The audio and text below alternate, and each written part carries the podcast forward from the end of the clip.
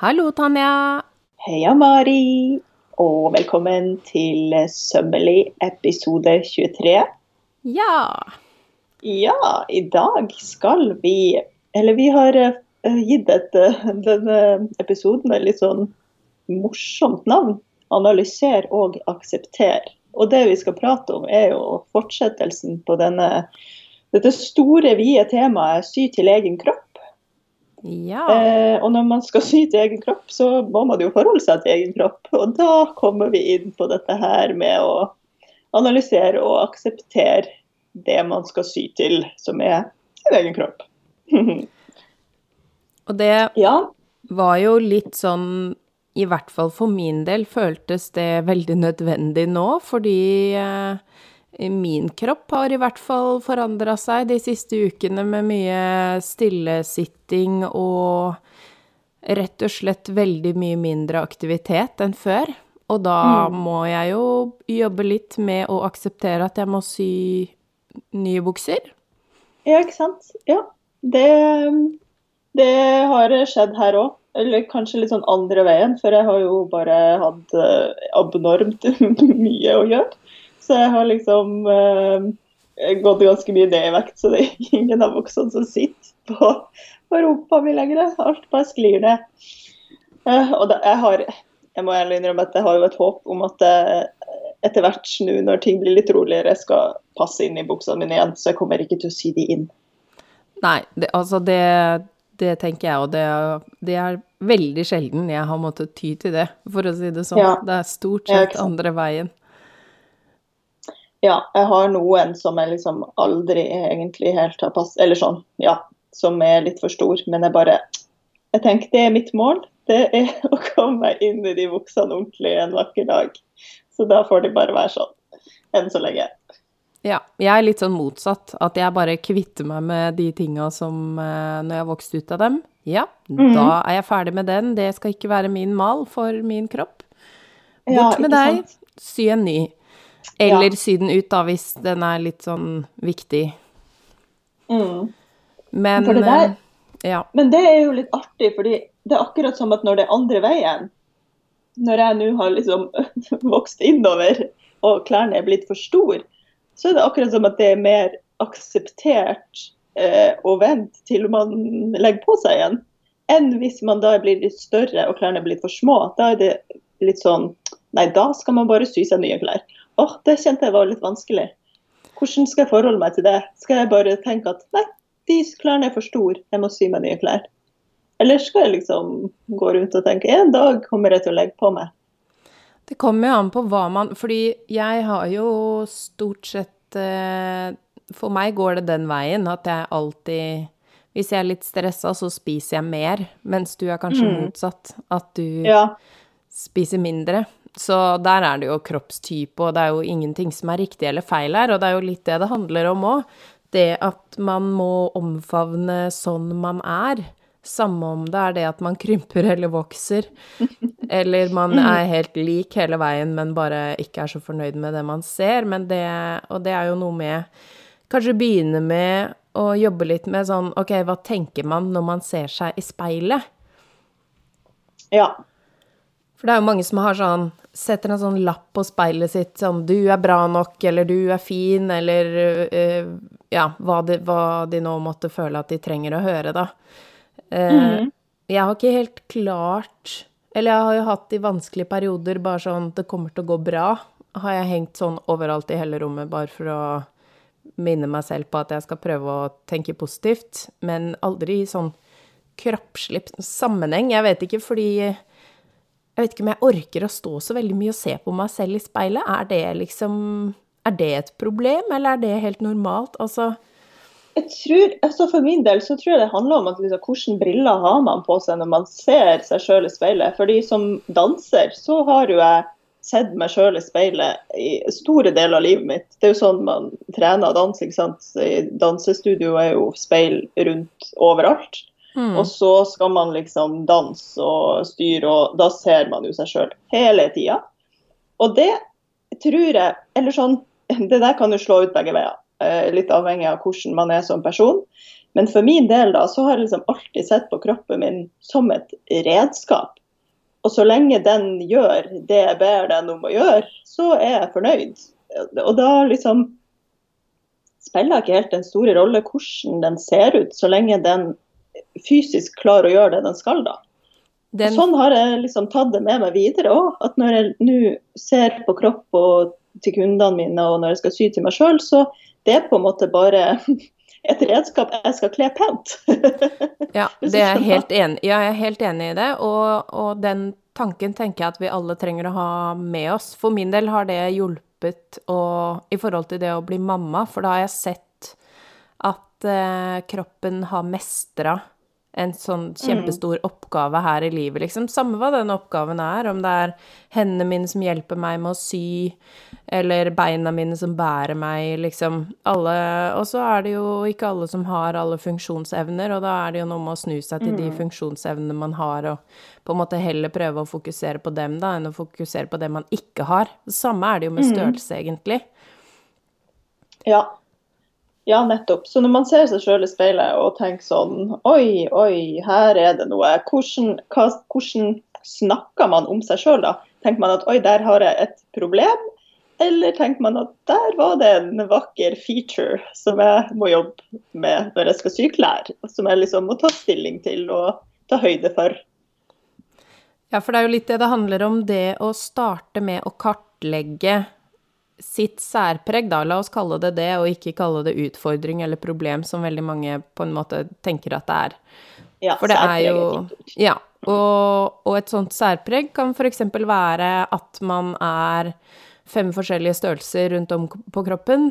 Um, hvis mm. man ser i et målskjema, man tar mål av kroppen, og så ser man uh, der er jeg størrelse 40, der er jeg størrelse 44, der er jeg størrelse 52.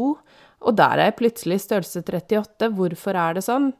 Jo, det er fordi det er din kropp, du, du, tilhører ikke en mal, og det er helt greit. Men da gjelder det jo å prøve å på en måte kartlegge eh, hvor skoen trykker, da, for å si det sånn, mm. og heller prøve ja. å lære seg eh, hvordan man behandler det i et mønster, og tenke yes. Dette er min faste endring, dette må jeg veldig ofte gjøre noe med. Kanskje er man heldig å finne et uh, merke som er uh, hvor mønsteret er konstruert for å passe litt en sånn kroppsfasong, for det er heller ikke uvanlig.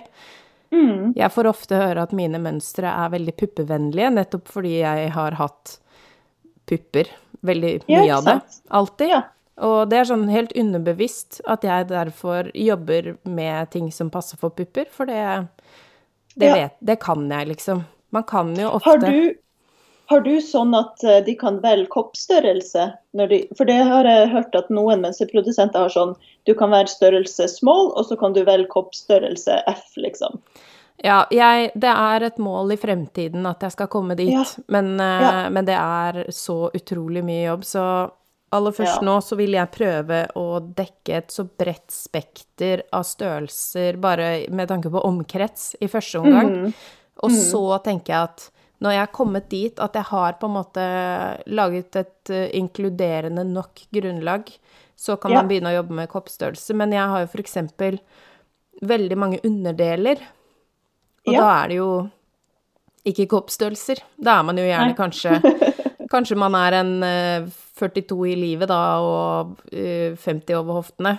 Uh, ja, og det er, det er, jo en annen type gradering igjen. Men absolutt det Jeg vil jo ikke diskriminere små pupper heller, fordi alt er jo Alle kropper er jo fine og innafor, men det er så mye enklere å tegne mønster til kropper man på en måte føler man kjenner. Og det er jo litt det som er målet her, og at dere der ute Hvis dere kan klare å kartlegge hva deres særpreg er, da. Hvor uh, trenger dere å gjøre en tilpasning, og bli skikkelig mm. god på det? For det er jo på en måte litt det jeg har blitt gjennom å lage mye mønster til pupper, da. Mm. Ja.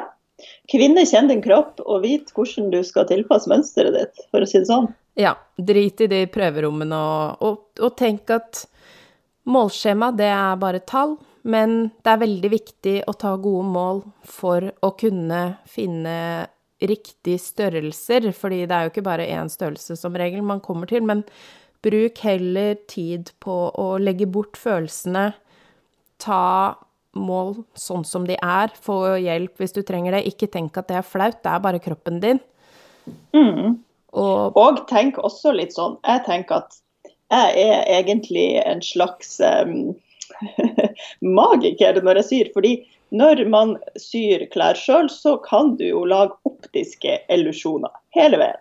Altså Du kan lage en illusjon om at du har smalere skuldre med å plassere skuldersømmen der du vil, altså ermet i settingen der du vil. Du kan lage illusjon av å ha smalere hofter eller bredere hofter, alt avhengig av om du, hvor du plasserer innsnittene og hvor du plasserer panelsømmene og alt sånt. Så altså, optical illusions, det er eh, sant, og det er, har en stor effekt, liksom. Så hvis du vet hvor du vil gjøre liten justering, så kan du gjøre det med rett og slett hvor du legger sømmene dine, og hvilken type stoff du velger, med hvilken type mønster osv. osv. Her er det bare Her kan man kose seg og liksom gjennomdage kroppen sin litt på nytt med å, med å ja, være en liten magiker.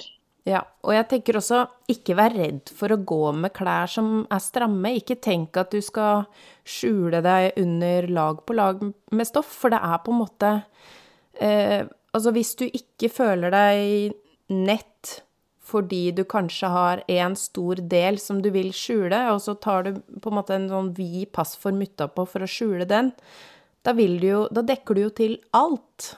Så da vil man jo Altså, folk eh, Det var en periode For jeg har gjort det selv. I hele Mhm. oppveksten har jeg gått med vide klær fordi jeg drømte om å ha små pupper, og det var så fint med sånne vide klær på sånne hengslete Så tenkte jeg at hvis det bare er digert nok, så skjuler jeg alt. Og hvis jeg da plutselig gikk med trange klær en dag, så fikk jeg så mye reaksjoner på puppene mine som jeg hadde prøvd å gjemme hele tiden, at det var jo Det var, fungerte jo mot sin hensikt. På Ja, fest, sant. når folk hadde fått i seg et par glass og alltid kunne snakke til meg om hva puppene mine som de plutselig hadde oppdaga, da, da er det jo litt sånn Da begynte jeg å ønske litt at jeg kanskje hadde vært litt mer ærlig fra starten av. Ja, sånn det. Ja, og det minner meg om Unnskyld, Happy verdens eh, største digresjon. Sånn ærlige klær, har du husker du det? Ja, ja. Jeg lurer på om det var Team Antonsen eller noe. Ja. Men jeg tenker jo egentlig at jeg er en veldig eh, fan av ærlige klær. For det er sånn Ja, sånn er jeg. Her er det en mage, her er det en rumpe, her er det et søkk inn for alt Altså vi trenger å se mer kropper. Altså, jeg tenker ikke nakne kropper, jeg tenker bare sånn Vi trenger å se alle representert, og se at alle bærer seg sånn som de er, da. Og at det ikke Det skal ikke være noe skam rundt hvilken størrelse man er, og, og det, det at man er med Jeg føler jo veldig på det selv, siden jeg produserer mønster også, at Mm. jeg vet jo at ikke jeg klarer å representere alle. Eh, Men jeg har måttet stoppe et sted fordi jeg ikke har kunnskap om eh, størrelser større enn de jeg har nå. Ja. Eh, og det er jeg veldig lei meg for, fordi jeg ønsker jo ikke å ekskludere noen. Nei, ikke Og- sant. Og det at folk ikke finner klær som passer fordi folk ikke har kunnskap nok om de størrelsene Altså det bare Det er en sånn spiral av frustrasjon hvis man begynner å tenke på det. Så de der ute som ikke føler seg representert, please send meg en mail, så vil jeg veldig gjerne ha dere som testpersoner, fordi jeg ønsker jo å lære alt det her. Jeg syns det med kropp er så spennende og fantastisk, da. Alle er, Mm. alle er fine på helt bare på sin måte, og ja, jeg skulle så veldig gjerne ønske at vi så mer av det, og at det var mer kunnskap der ute om Fordi hvis Vi sier jo at man skal søke informasjon og lære seg hva man må endre på, eksempel, da. Men når jeg sitter og søker på større størrelse, eksempel, så finner jeg Ja. veldig lite ressurser på nettet. Ja. Og da er jo Mm. hele Altså, ja. Det er Ja. veldig frustrerende. Og jeg vet også at sånn er det for veldig, veldig små størrelser. ja. Det, det tror jeg nok. Det er sine utfordringer med det òg. Ja. Jeg har, um, jeg har faktisk sydd, jeg hadde, eller har vel fortsatt, jeg har ikke sett på en stund, men det har jo ja, korona, koronagrunner for det. Men jeg syr, har en kunde, en fantastisk dame, som er såpass stor at hun har ikke sjans. Hun finner ikke klær i, i vanlige butikker. Så jeg har sydd til henne en del. Og det er altså fantastisk å kunne se at for det første så er det jo liksom det Hvis hun kjøper seg klær eh, i butikker, så blir det jo bare sånne store, ikke formsydde klær. Men med en gang man får sydd noe til henne med, og der livet blir definert, og der liksom det sitter ordentlig over skuldrene, at det ikke blir en sånn svær, overhengende sak for at den skal passe rundt ellers. Så ah, hun ser så flott ut med en gang hun får på seg ordentlig liksom, klær som passer det er så gøy. Og det er så gøy å sy eh, til, eh, ja, til folk som ellers ikke hadde fått seg ordentlige klær. Fordi man føler virkelig at man gjør en forskjell da, i livet deres. Og det gjelder jo alle størrelser, fordi det er jo alle, alle, størrelser har veldig ofte en kroppsdel som gjør at det, eh, det blir litt sånn vanskelig å få få det til å sitte riktig. Altså sånn som svai i ryggen som poser seg, eller eh, bare en, en, ujevn skulder. Altså alle mulige sånne små ting. Mm. Eller hvis man sitter i rullestol og må sitte hele tiden. Utrolig mange klær eh, går jo da veldig ned bak. Sånn at det mm. blir liksom Og så poser det seg jo foran. Ja. Det er, eh, ja, det er så utrolig mange La oss kalle det utfordringer, da, selv om dette ikke skal være negativt lada. At det, det, er så mange hensyn man eh, kan ta, og er så, det er det som er så fantastisk når man syr. Men øh, Og det er jo noe med at man bærer seg jo på en helt annen måte når man har klær som er tilpassa, og som sitter på kroppen. Ja. Og da har jo jeg lyst til å snakke bare bitte lite grann om det å ha et godt undertøy under klærne også. ja. Fordi hvis man øh, føler at man må gå og rette på undertøyet hele tiden Det er jo utrolig vanlig at man er en annen størrelse Eller det er utrolig vanlig, det er sånn BH-størrelse fungerer, at man er en størrelse rundt, og så er man en annen størrelse på selve puppen. Mm. Eh, og veldig mange av de som jobber med undertøy, kan ikke det. Det er i spesialbutikker hvor de liksom virkelig kan det her med størrelser. Jeg var faktisk Jeg er jo veldig konfliktsky, men jeg var i en undertøysbutikk en gang hvor hun var sånn Ja, se der, ja, den passer. Og så var jeg sånn Hallo. Unnskyld meg. Jeg jobber faktisk med klær. Denne passer ikke. og jeg, var, jeg, er jo ikke så konfronterende, så jeg turte ikke å si mer enn det. Men det er liksom Du kan ikke mene eh, når man jobber med det. Det er liksom noe med at ting skal sitte akkurat der de er ment å sitte. Det, skal, det er ikke meninga at man skal gå rundt og, og dra i bh-en hele tiden fordi den siger opp bak. Altså sånn som at stroppene ramler av hele tiden, eller Det er ja. veldig mange sånne ting som man bare er så vant til i livet sitt at man går og retter på. Uh, men ja. det gjør veldig mye med selvtilliten, det at man hele tiden må gå og fikse på noe. Man føler seg ubekvem. Man får ikke fokusert på det man egentlig driver med, fordi man blir liksom mister fokus, da, eh, mm. av den uh, tingen som gnager. Og sam, altså for min del så foretrekker jo jeg store truser, for eksempel. For da kan jeg bare ja. dytte alt nedi, og så ser man ikke liksom masse ekstra streker. Det er på en måte bare sånn Den går inn der jeg går inn. Den dekker mm. det jeg har lyst til å ha inni. Mens andre har motsatt. De vil ha så liten truse som mulig, for, at det liksom, for da føler de at de får dekt det de trenger, da, og som kanskje er helst ingenting. Altså, ja, ikke sant.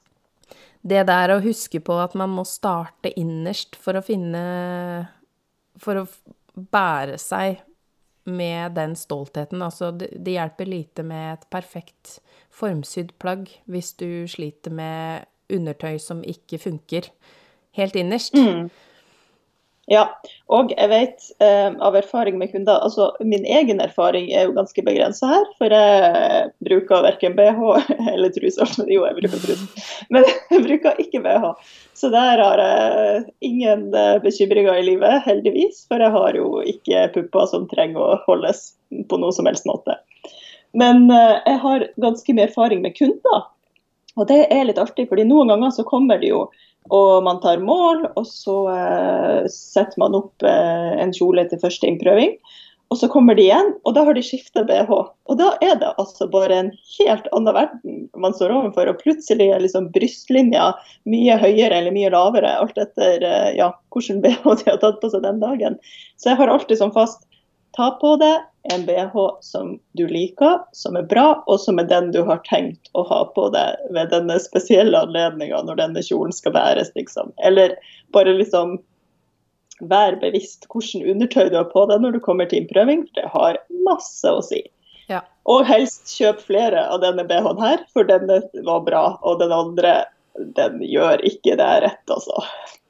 Nei, det, det har så mye å si. Og sånn som de Nå syr jeg veldig sjelden til brudd, fordi jeg er ikke Det er ikke noe hemmelighet at jeg ikke er så glad i det, men jeg gjør det jo til spesielle folk i livet mitt, da. Mm. Eh, og da er liksom noe av det første jeg sier, at når du kommer på innprøving, glem hvor lang kjolen skal være, eller hvor høye sko du skal ha, men du må ha en sånn bh som du skal ha under denne kjolen. Ja, ja. ja, ja. Eh, Den Altså, vi kommer ingen vei med den siste tilpasninga før den BH-en er på plass.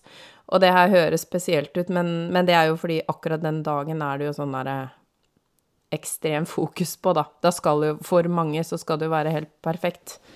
Jeg var ikke helt der uh, sjøl, men eh, med det Jeg hadde ikke hvit kjole engang, men det er en helt annen sak. Men eh, Nei, og jeg tenker at eh, Og selv har jeg jo vært der. Jeg var ganske Jeg tror ikke jeg fikk en ordentlig bh før jeg kanskje var sånn 16-17. Og det var Mm. helt sånn sjokk, fordi da hadde jeg jo hatt nakkeproblemer i eh, Ja, altså så Helt siden jeg fikk pupper, da. Mm. Eh, og jeg har jo sånne søkk i skuldrene, fordi at skuldrene på en måte har båret hele vekta, men det er jo også meningen at båndet skal bære litt av den vekta. Ja, det er trangt, og der får man en liten valke, men det kjenner jeg sånn Den valka, den driter jeg i, faktisk, så lenge jeg ikke må drive og dra i den strikken rundt hele tiden. Fordi Ja, for den skal jo ligge helt vannrett og på en måte også være med på. Det er som en sånn, som en sånn hoftestropp på en sekk. Den skal jo være med og bære tyngda av sekken, og Ja. den må ligge helt vannrett for å fungere. Ja, den skal faktisk bære hovedtyngden. Eh, Mm. Og det er veldig lett å glemme. Og selvfølgelig så vil man jo få gnagsår eh, av det, men man må ikke få det. Så det her er jo Det skal jo ikke handle om eh, undertøy i dag, men jeg skal bare røpe en liten ting, og det er at jeg er i gang med å snuse på undertøy, og det er altså yeah, så gøy. Så gøy! Jeg har ikke tid til det, men jeg tar sånn fem minutter en gang iblant og bare yeah. sånn kikker bitte lite grann på sånne Ja. planer. Artig, artig, artig. Å, Ja. det var gøy. Ja, det er veldig gøy. Så min eh, gode venninne Marianne, som kommer til å være vår ressursperson når vi snakker om eh, undertøy seinere, hun er liksom min undertøysmentor, og hun Ja. har nå begynt å jobbe fram et eh, mønster da, som vi tilpasser og sånn. Så kult. Ja. Det er gøy. Ja, det er veldig gøy. Så det eh, Så altså ikke Man skal ikke kimse av godt undertøy. Og tenk på en måte at én dyr bh veier opp for fem billige bh-er, minst. Mm. Eh, og sånn prismessig så er det ikke så mye å tape på det, da, og heller investere i det. Mm. Ja. Mm. Så, men noen verktøy da, for å kartlegge, fordi det er jo ikke alle som på en måte har så full oversikt. Mange kanskje bare orker ikke å se seg sjøl i speilet engang, og ikke og går bare med vide klær, orker ikke å forholde seg til kroppen i det hele tatt. Eh, så da kan jo vi nevne et verktøy som vi har testa. Ja.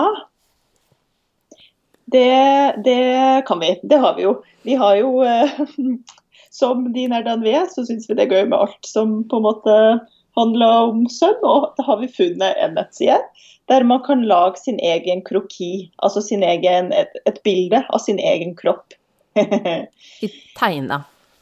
Tegna, ja. Som en illustrasjon, på en måte. Eh, ja. Det var jo en spennende affære. For vi, eh, det er ingen hemmelighet at vi har spilla denne episoden inn før. Og da gjorde vi dette. Og fikk, for det man gjør, er at man plotter inn målene sine i et skjema.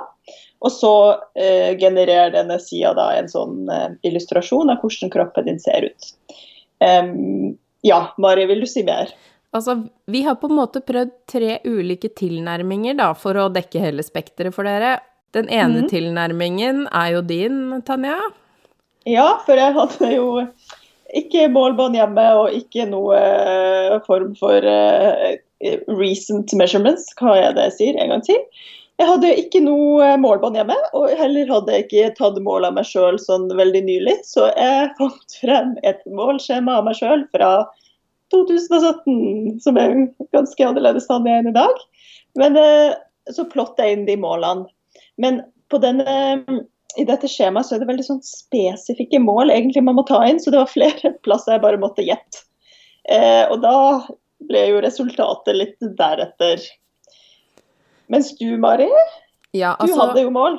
ja, altså jeg tok jo Den første gangen så tok jeg målene jeg fikk beskjed om å ta, men uten å se på de bildene som var der. Så jeg tok jo mål sånn som jeg har lært å ta mål Ja. den første gangen. Eh, og plotta inn alt. Og så kan vi jo røpe da først hva vi føler om de tegningene vi fikk da.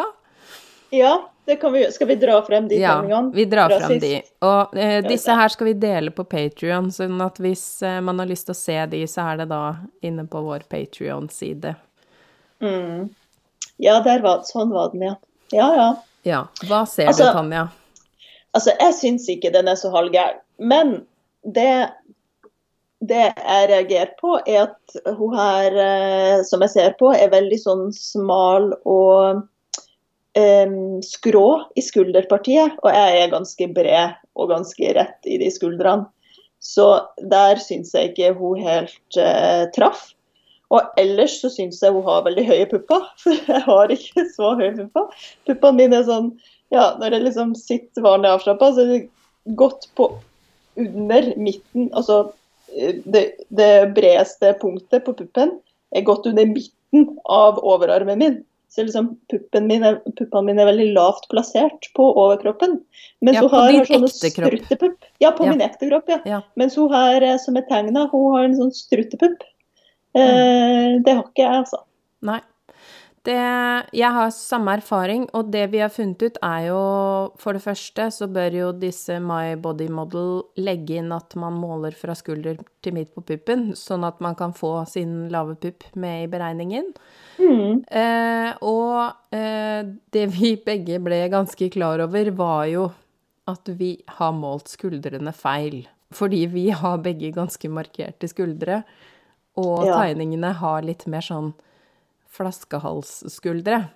Smale og myke skuldre. Um, og der målte jo jeg Fordi jeg, den eh, tredje muligheten her, da, det er jo å måle basert på de bildene som eh, man kan trykke på et spørsmålstegn, og så er det et bilde av hvordan man skal ta målet. Uh, og der har jeg breie nok skuldre. Ja, for da har du målt sånn som de viser at du skal måle. Ja. Ja. Eh, Ja, men det er jo godt å vite. Så hvis dere prøver dette her, for det første Dette her gjør dere da på www.mybodymodel.com. Um, og det er gratis å få en sånn Dere får en eller annen logo over den, uh, over den tegninga. Uh, men det er gratis å få generert en sånn tegning som man kan kikke på. Og så har de andre features da, som man kan betale og få, få. Men man må registrere seg, og det går veldig fort. Og så er det jo det der skjemaet da, som tar litt tid. Og som eh, Mari her nå påpeker, er lurt å gjøre det sånn som de ber dere om å gjøre det. Ikke bare tro at ja, de målene jeg tok eh, her, de kan funke. Ja, fordi hvis jeg skal beskrive forskjellen på de her to, da, så er jo eh, Det meste er liksom litt mer riktig på versjon nummer to. Eh, men puppene er lavere på, på versjon nummer én. På, på forsøk nummer én, når jeg plotta inn mine egne mål, så tok jeg livlengde fra skulderen via puppen og ned til midjen. For det er sånn Ja. jeg måler lengde på Ja. overkroppen foran. Mens den ville at man skulle måle fra halsgropa og ned til midjen foran. Mellom puppene. Mellom puppene. Ja. Og for meg da så mister man jo en del informasjon, syns jeg. Eh, og hvordan dette har resultert i at jeg har høyere pupper på bilde nummer to enn jeg har på bilde nummer én, det vet jeg ikke, men det var det jeg gjorde forskjellig. Og jeg vil påpeke at selv om versjon to er litt likere enn meg enn versjon én, ingen av disse her har tatt høyde for at mye av mine mål ligger jo på magen.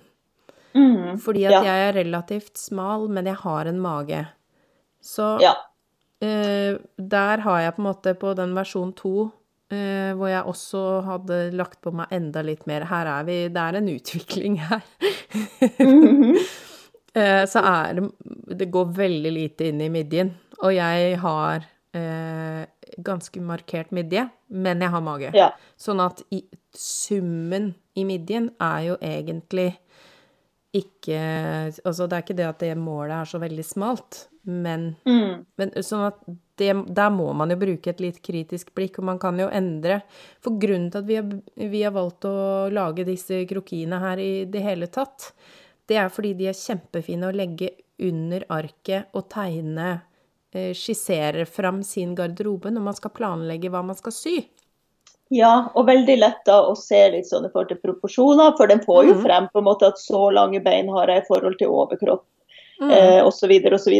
Ja. Så liksom noen proporsjoner er det jo, men det, Mm. det, og det er veldig sånn som du sier, at med en gang det blir omkretsa, så Mm. er det jo veldig vanskelig for dem å vite ja, dette er hofteomkretsen min, men det eh, har jeg mye rumpe, eller har jeg mye mage? Det, Mm. det kommer jo ikke frem. Mm. Så liten klype salt, men egentlig ganske sånn gøy verktøy for å se seg sjøl fra utsida. Jeg husker, for da må jeg bare skyte inn her, at jeg lagde en sånn for to års tid cirka, husker jeg. Eh, I min pure start med søm. Mm. Og da husker jeg at da jeg så den da, så ble det litt sånn Hæ? Nei, det her er ikke meg. Fordi det bare og jeg, men, og jeg tror jeg tok målene ganske ordentlig da, men jeg bare Ja. kjente sånn at Nei, så små pupper i forhold til alt annet har jeg ikke, liksom. Så det, det var jo tydelig at jeg kanskje på den tida hadde litt mer problemer med å, med å se hvordan jeg så ut eh, fra utsida, da. Ja. Eh, men det har jeg jo blitt veldig immun mot i, i årene etter. Fordi jeg har liksom jeg har fått helt annet forhold til kropp, og at mål bare er mål. Og at det Altså for meg så er kropp nå bare en ting jeg skal kle, ikle pent. Mm. Og finne de riktige proporsjonene og legge sømmene på riktige steder, sånn at jeg syns eh, kroppen ser eh, flott ut, liksom. Ja. Så ja. Så dette her med å se en sånn liten strektegning av seg sjøl kan jo være en øvelse, men det er en gøy øvelse. Ja, og det, det er veldig deilig når man har kommet dit at man faktisk ser seg selv eh, litt mer objektivt, da. For jeg merker Altså, jeg har hele livet eh, trodd at jeg var ganske stor. Hvor, Ja. Jeg aner ikke. Det må jo ha vært på grunn av puppene, da, for de fungerte jo som en slags hylle som jeg Ja. masse stoff på. Og skjulte alt, eh, alt andre i tillegg. Og da ble jeg jo som et sånt lite vandrende telt med tynne armer. Eh, og da følte jeg meg veldig stor. Og selvfølgelig, var, for puppene var jo blytunge, ikke sant? Og da følte jeg meg jo også tung. Eh, Ja. Og bare det på en måte å Hvordan man ser seg selv, det påvirker veldig hvordan man bærer seg, og hva man tillater seg å gjøre. Eh, og den derre Bare det at jeg For jeg synger jo. Jeg er jo veldig sjenert, da, så jeg gjør det ikke så mye på en scene, men jeg gjorde det mer før. Og da var det noen en gang som hadde kommentert at puppene mine hadde rista litt fordi at jeg hadde kanskje dansa mens jeg sang, da. Og det, det Etter det så sto jeg helt stille i, hvis jeg kunne unngå å hoppe. Ja. så gjorde jeg det. Og det er liksom sånn, det er sånne små ting som hele veien former oss. Hvor, Hva som har skjedd i en viss setting. At man på en måte eh, prøver å frigjøre seg litt fra det, og bare tenke sånn Samme det. Jeg gjør det jeg vil gjøre. Samme om eh, rumpa rister eller eh, lå Altså det er jo en sånn kampanje som har vært eh, et par år på Instagram, som er eh, 'Have legs, will wear shorts'. Og det Ja. syns jeg er så fint, fordi shorts er jo en sånn ting. Man skal liksom ikke vise låra sine. Eller Åh. beina i det hele tatt. Veldig mange har jo problemer med det. Eh, Ja. Og den her eh, kampanjen, da, hashtag have legs will wear shorts, som jeg tror det er, er mulig jeg har stokka om på ordet her, altså. Men den Og det syns jeg var så utrolig bra, for det er sånn Ja, shorts er da praktisk, jeg må da få lov til å gå med det. Ja. Og det er jo Ja. Det er jo sånn med alle mulige forestillinger man har, det er så utrolig mye av det som kommer fra en sjøl. Hvorfor i all verden skal ikke jeg kunne gå med det hvis jeg har lyst til å gå med det? Eh, For det er en sånn kommentar som vi som ikke kler oss eh, kanskje akkurat sånn som utstillingsdokkene, da. eh, Får jo, jeg får i hvert fall ofte høre sånn Å, jeg skulle ønske jeg kunne gå litt mer sånn. Eh, bruke litt mer farger eller noe. Så blir jeg sånn Ja, men gjør det, da. Du kan jo det. Du er jo kjempefin med den fargen eller den fasongen. Altså Og Mm. uansett, du må jo prøve. Kanskje du oppdager at du kan gå med det. Mm. Ja, og der må jeg innrømme at for min del så går det litt sånn andre veien òg. Fordi det er jo veldig mange som er veldig sånn kle deg i farger og kle deg glad og tenk så kjedelig at alle går rundt i grått og svart og sånn. Og så føler jeg litt sånn at når jeg har på meg bare svart, da føler jeg meg ganske badass. Da føler jeg meg litt sånn power lady. Og da, men, og, det, og da føler jeg at jeg blir litt sånn sett ned på, fordi du bruker ikke farger, og det, du må bruke farger, liksom. Men eh, det tror jeg at jeg bare må drite litt mer i, fordi jeg syns svart også er en farge. Ja, hvis du føler deg fin og liksom eh, Ja, som en power woman, da, når du går med det, da skal du jo gå med det. Mm, Det er det jeg òg tenker. Ja, eh, og det er jo det vi Det er jo det alt koker ned til her. At eh, det man ikke føler seg vel i, bare dropp det. Selv om det er noe samfunnet forventer at du skal gå med, ikke gå med det hvis du ikke føler deg bra. Og gå med det du føler deg bra i, samme om det er eh, svart eller grått eller eh, undertøy eller Altså, nå har jeg lyst til å trekke fram en liten inspirasjon her, som jeg vet at vi begge har. Ja. Baddy Winkle, som er Det er lov å kalle henne gammel, for hun er jo veldig godt voksen. 90. Ja. Mm. Eh, Det er en gammel dame som eh, kler seg fullstendig i det hun har lyst til, som det hun føler seg, og hun føler seg vel sånn omtrent som en eh, jente på 19, kanskje. ja. Og altså, jeg elsker henne, og jeg tenker på det innimellom, for det er jo ofte noen plagg krever at man går og øver litt hjemme, fordi man egentlig ikke tør, men man egentlig også føler seg ganske bra. Men så er det den derre skamfølelsen man kan få når man går ut blant folk. Har du noen gang det? Når det er noe du liksom tenker sånn Wow, nå føler jeg meg kul. Og så står du på Rema, og så er det bare sånn Ja, angrer litt på det valget nå. Jeg hadde det mer før, men nå driter jeg så langt i alt at uh, nå spiller det ingen rolle. Og apropos, unnskyld, men eh, vi må bli ferdig med Baddy Wilkin først, og så skal jeg også dra frem en annen innspo der. Ja, ja. Ja, altså bare sjekk ut Baddy Winkle, fordi hun uh, Hun er Hun er da altså på Instagram mest, men man kan sikkert søke opp på nettet også. Ja. Og det er da Baddy med to d-er og i-e. B-a-d-d-i-e, er det ikke det? Og så Winkle, uh, W-i-n-k-l-e. Stemmer det? Ja, Ja. stemmer. Yes. Eh, altså, Ja. hvis man vil ha litt sånn derre girl power i, eh, inn i voksenlivet Mm. Kjør på sånn med Ja.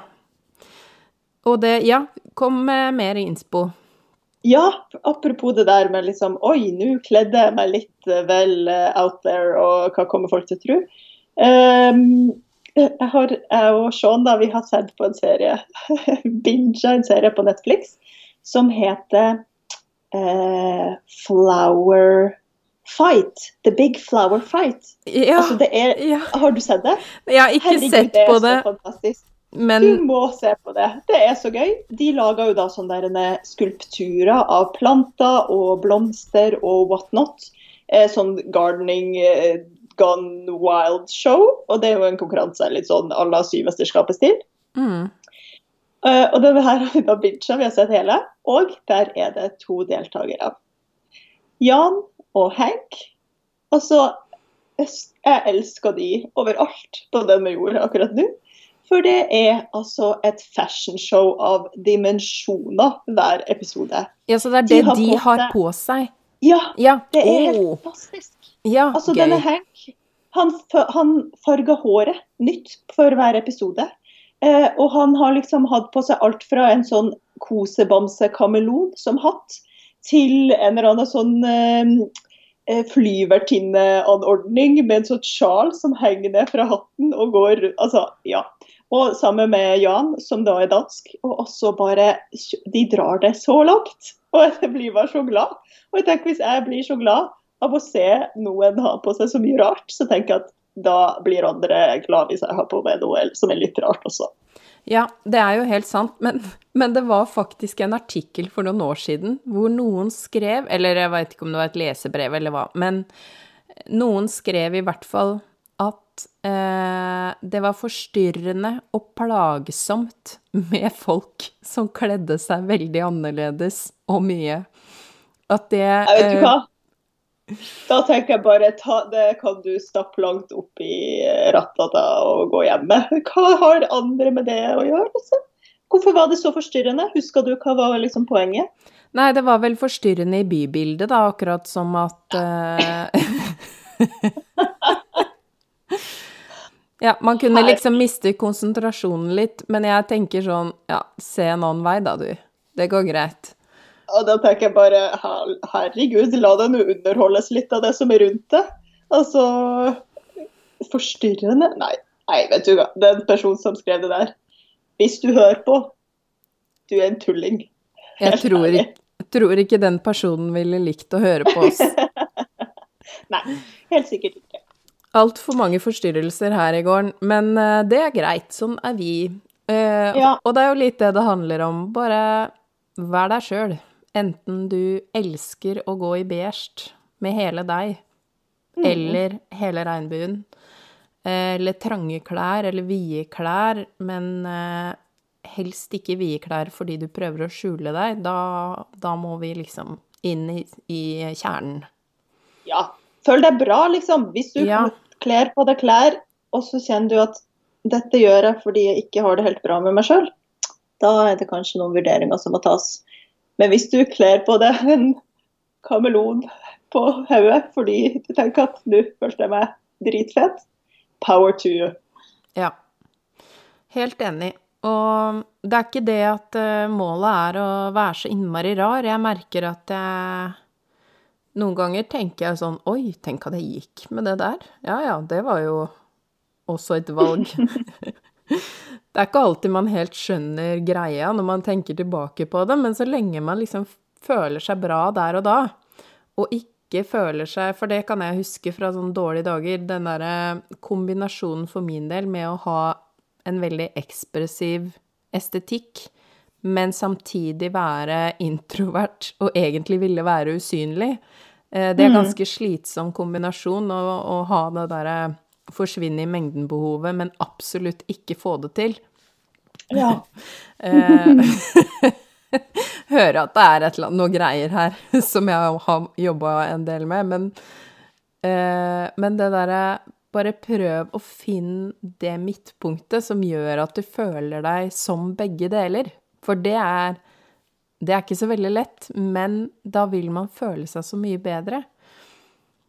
Ja, for da kan man kanskje være veldig sånn ekspressiv hjemme og ha- liksom de villeste outfitsa når man går hjemme, og så kan man tone det ned når man skal på butikken. Går det an, liksom? Ja, jeg tenker det er en god idé. Og Ja. for min del, det er jo fordelen med å bo på et lite sted, da. For det er ikke så mange folk her. Eh, og da er det på en måte greit. Eh, Du vil jo bli lagt merke til uansett, da. Men, eh, men Ja, da og der har jeg det litt motsatt, Mari. Mm. Eller sånn, for jeg husker Da jeg bodde i Bodø, så var det sånn alle skulle ha en mening om alt mulig rart, og ikke kunne man gå ut uten å føle at uh, man ble sett av alle. Og så husker jeg da jeg flytta til Oslo, 18 år, flytta til Oslo og kjente bare Fy faen, så jævlig digg. Det er ingen som bryr seg. Det er så mye folk her. Ingen kunne brydd seg mindre om meg og hva jeg har på meg, og om jeg ser ut som eh, ikke har sovet på fem dager, eller hva som helst. Alle har så mye med sitt at altså pff, Jeg er bare en fjert, så jeg kan gjøre akkurat det jeg vil. Det er det som er litt morsomt, for der er jeg helt motsatt. Men jeg tror det er Ja, men jeg har vokst opp med, i en bygd hvor alle vet hvem foreldrene mine er, og eh, han er jo Spesielt faren min er type, liksom. Eh, Ja, så der har du fått liksom friheten til å være hvem vel som helst, holdt jeg på å si. Jeg har vel egentlig mer allerede vært sånn at alle vet. Og da vet jeg på en måte ikke helt På butikken så tenker jeg at alle ser på meg fordi de vet at jeg er datteren hans, ikke sant. Da tenker jeg ikke så mye Mhm. over om jeg hadde på meg nattkjole og gummistøvler den dagen, noe jeg for øvrig eh, gikk med da jeg bodde her. Så det er Ja. liksom ehm, Da jeg bodde her, så jeg, jeg bor jo her nå igjen. Men, men den den følelsen Men jeg kjente litt på det da jeg flytta fra byen og hit igjen, at, at da blir man veldig den derre eh, Ja ja, her kommer du fra byen og tror at du kan gå med gummistøvler og nattkjole på butikk. Men Ja. poenget er jo at jeg har jo vært sånn hele tiden, så jeg tenker bare så I begynnelsen så var jeg sånn at jeg ikke ville ha på meg rød leppestift på butikken, fordi da trodde alle at jeg trodde jeg var noe, men så etter hvert tenkte jeg bare sånn Æh, drit i det. Det er jo Alle her er jo bare seg sjøl, liksom. Eh, Ja. Så jeg for min del syns det er bedre, da. Men eh, det handler nok litt om at jeg ikke takler folkemengder så bra, så da er jo bygda Mm. bedre. Liten Ja, avsporing der, men, men det vi på en måte Det koker ned til her, er jo noe med liksom Man må bare prøve å finne sin kjerne og tenke mer objektivt om tall. At det er på en måte bare Kroppen er som den er. Man må bare finne de verktøyene og eh, den kunnskapen for å kunne kle seg på en måte som funker for en, da. Ja, helt enig. Altså, eh, se på, ta på deg objektivbrillene. Se på deg sjøl som eh, Altså, om du ser på deg sjøl som et redskap, om du ser på deg sjøl som en uh, ting som skal kles.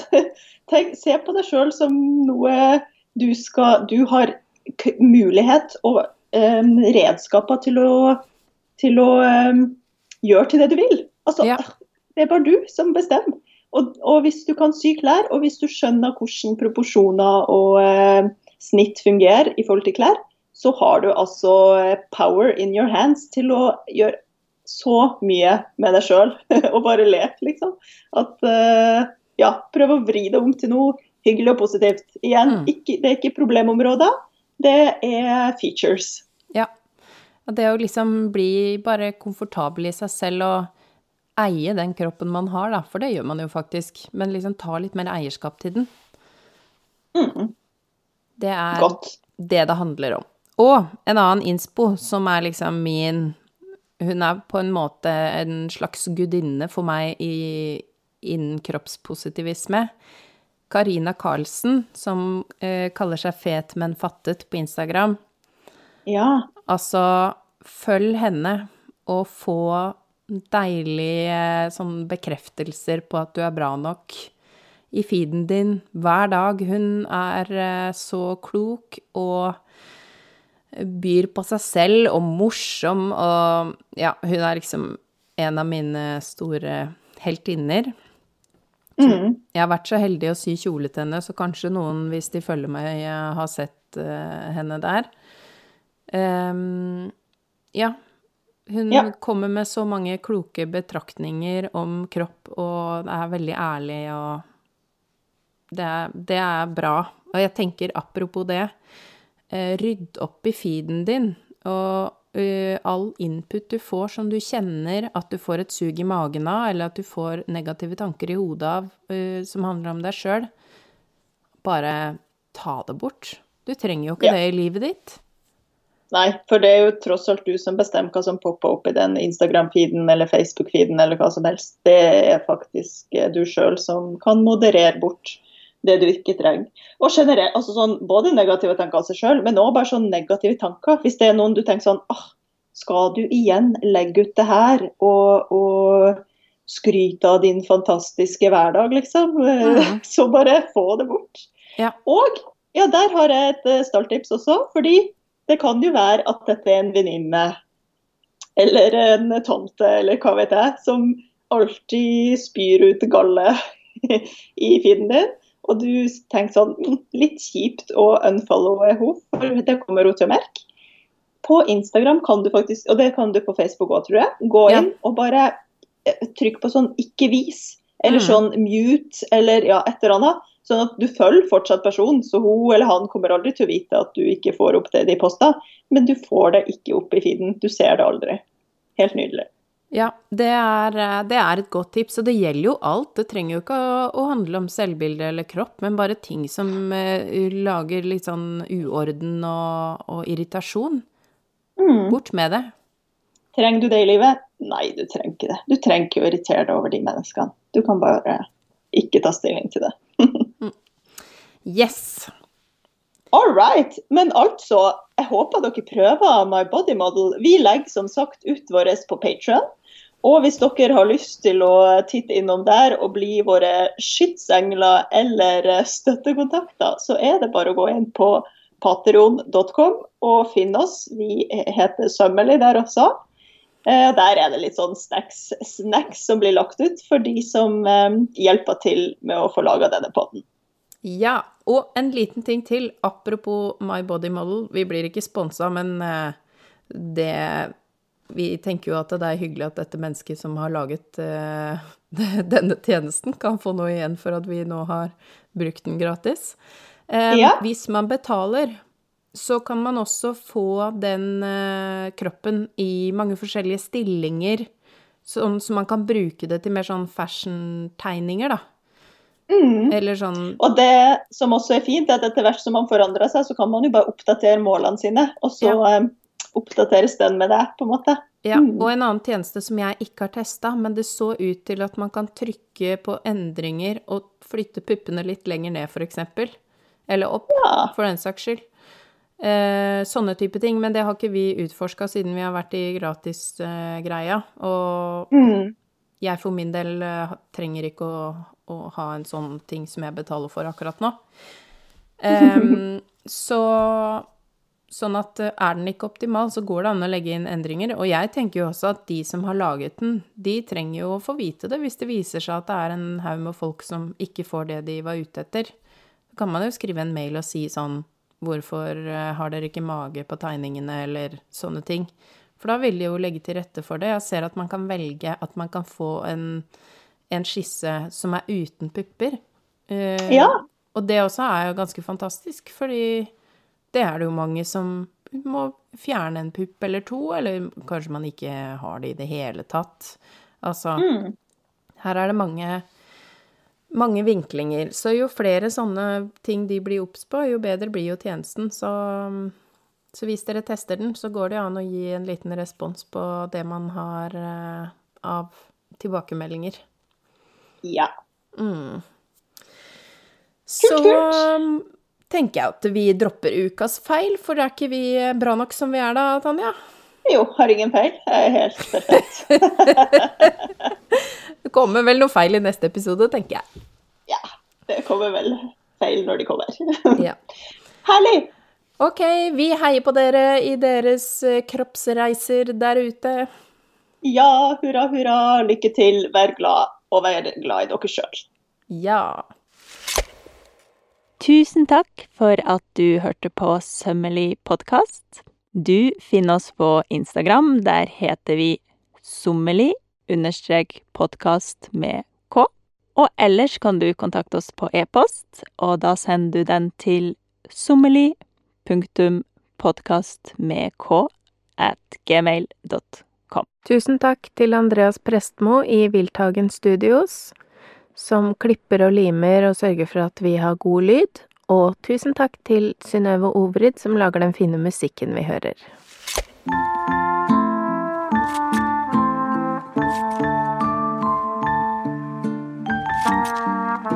Thank